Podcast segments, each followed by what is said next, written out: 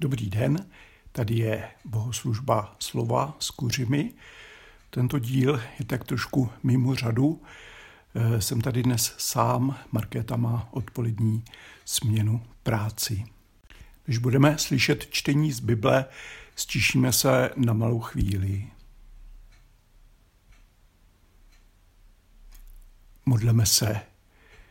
Smiluj se nad námi, pane, očisti naše srdce a dej, ať porozumíme tvému slovu skrze Krista našeho Pána. Amen. První čtení, které zazní, bude z knihy Deuteronomium z kapitoly 8. Připomínej si celou tu cestu, kterou tě hospodin, tvůj Bůh, vodil po 40 let na poušti, aby tě pokořil a vyzkoušel a poznal, co je v tvém srdci. Zda budeš dbát na jeho přikázání či nikoli. Pokuřoval tě a nechal tě hladovět, potom ti dával jíst manu, kterou si neznal a kterou neznali ani tvoji otcové. Tak ti dával poznat, že člověk nežije pouze chlebem, ale že člověk žije vším, co vychází z hospodinových úst. Jen ať se tvé srdce nevypíná, takže bys zapomněl na hospodina, svého boha, který tě vyvedl z egyptské země, z domu otroctví. Vodil tě velikou a hroznou pouští, kde jsou ohniví hadi a štíři, žíznivým krajem bez vody, vyvedl ti vodu z křemene skály, krmil tě na poušti manou, kterou tvoji otcové neznali, aby tě pokořil a vyzkoušel a aby ti nakonec prokázal dobro. Druhé čtení bude z prvního listu Apoštola Pavla do Korinta z kapitoly desáté. Není kalich požehnání, za nějž děkujeme účastí na krvi Kristově? A není chléb, který lámeme účastí na těle Kristově? Protože je jeden chléb, jsme my mnozí jedno tělo, neboť všichni máme podíl na jednom chlebu. Amen. Další čtení evangelní bude podle Jana z kapitoly 6. od verše 51.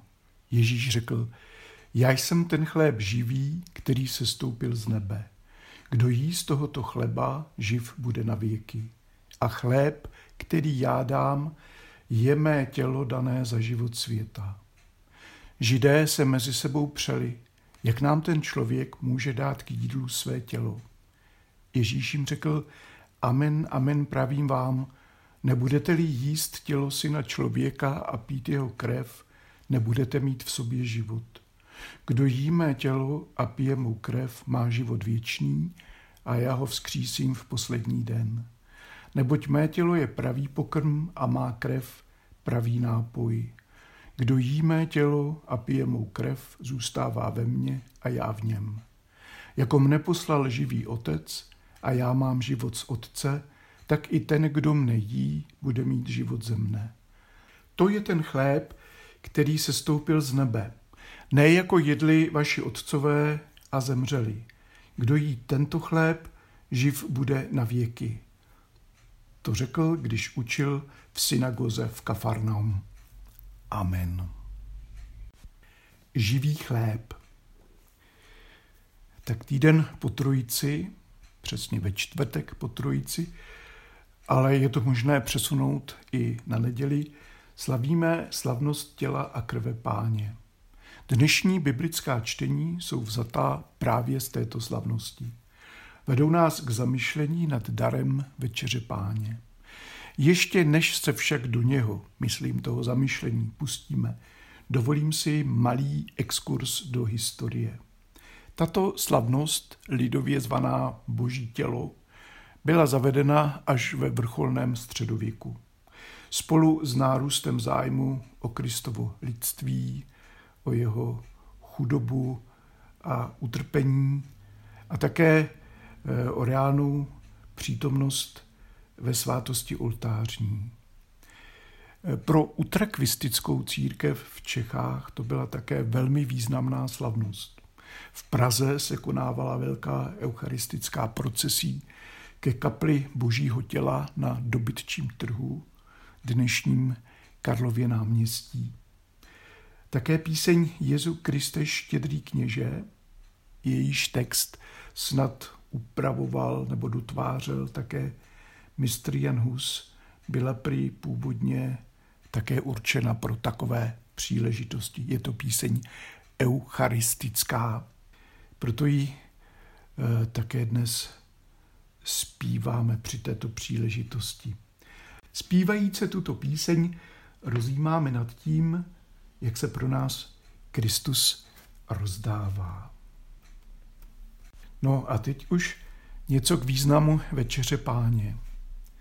Dostáváme v ní pokrm pro naše putování. To připomíná zejména to první čtení. Bůh sytil, napájel a chránil svůj lid na cestě pouští do zaslíbené země. Součástí čtení byla i známá slova Člověk je živ nejen chlebem, ale každým slovem vycházejícím z božích úst.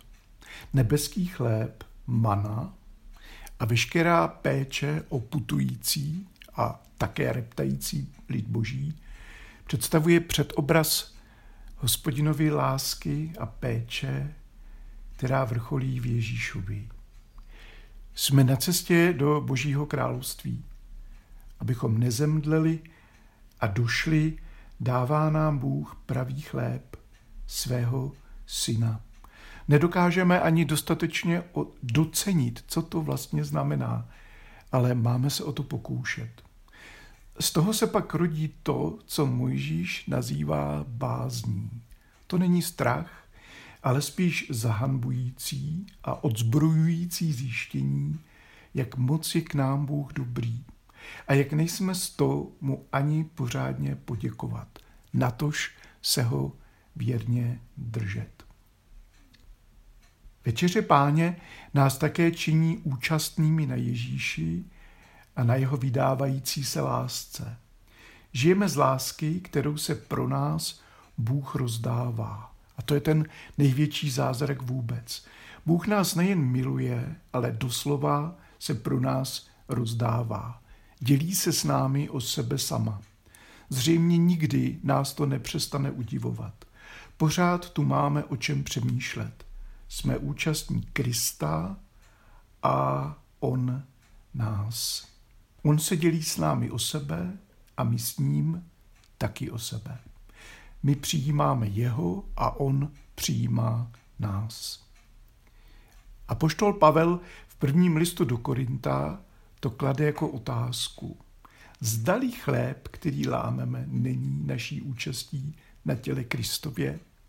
Zdali kalich požehnání není naší účastí na krvi Kristově? Korinským musí být pochopitelně jasné, že to tak je. Ale Pavel je vede, aby si to sami uvědomili a sami to řekli. Ano, je to tak. A potom si také uvědomili, jaké důsledky to sebou přináší. Naše spojení s Kristem je velmi konkrétní a skutečné.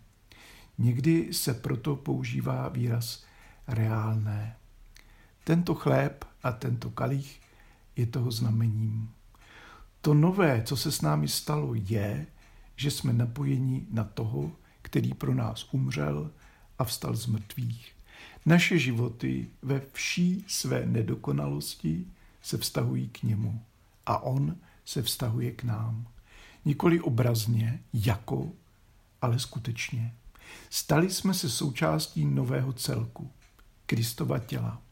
To tělo je on a to tělo jsme my. Zpívá se v písní Eucharistia, jestli si dobře vzpomínám. Stali jsme se součástí nového celku. Naše životy se vztahují k němu a on k nám. Ono to není tak vidět, ale už nyní jsme přesazeni duchovně někam jinam. A to mění celou naši perspektivu, i když ji zatím nevidíme. A do třetice, večeře páně nám zprostředkovává boží život. Zasazuje nás do proudu života s velkým počátečním písmenem, jakým žije Bůh sám. Je to něco nepředstavitelného. Když to člověk začne domýšlet, nevychází z úžasu.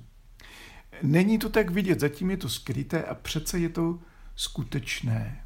Proto je Ježíš i tento chléb pravým pokrmem a Ježíšova krev i eucharistický kalich pravým nápojem, skutečným. Posiluje a uchovává nás naživu, k životu věčnému.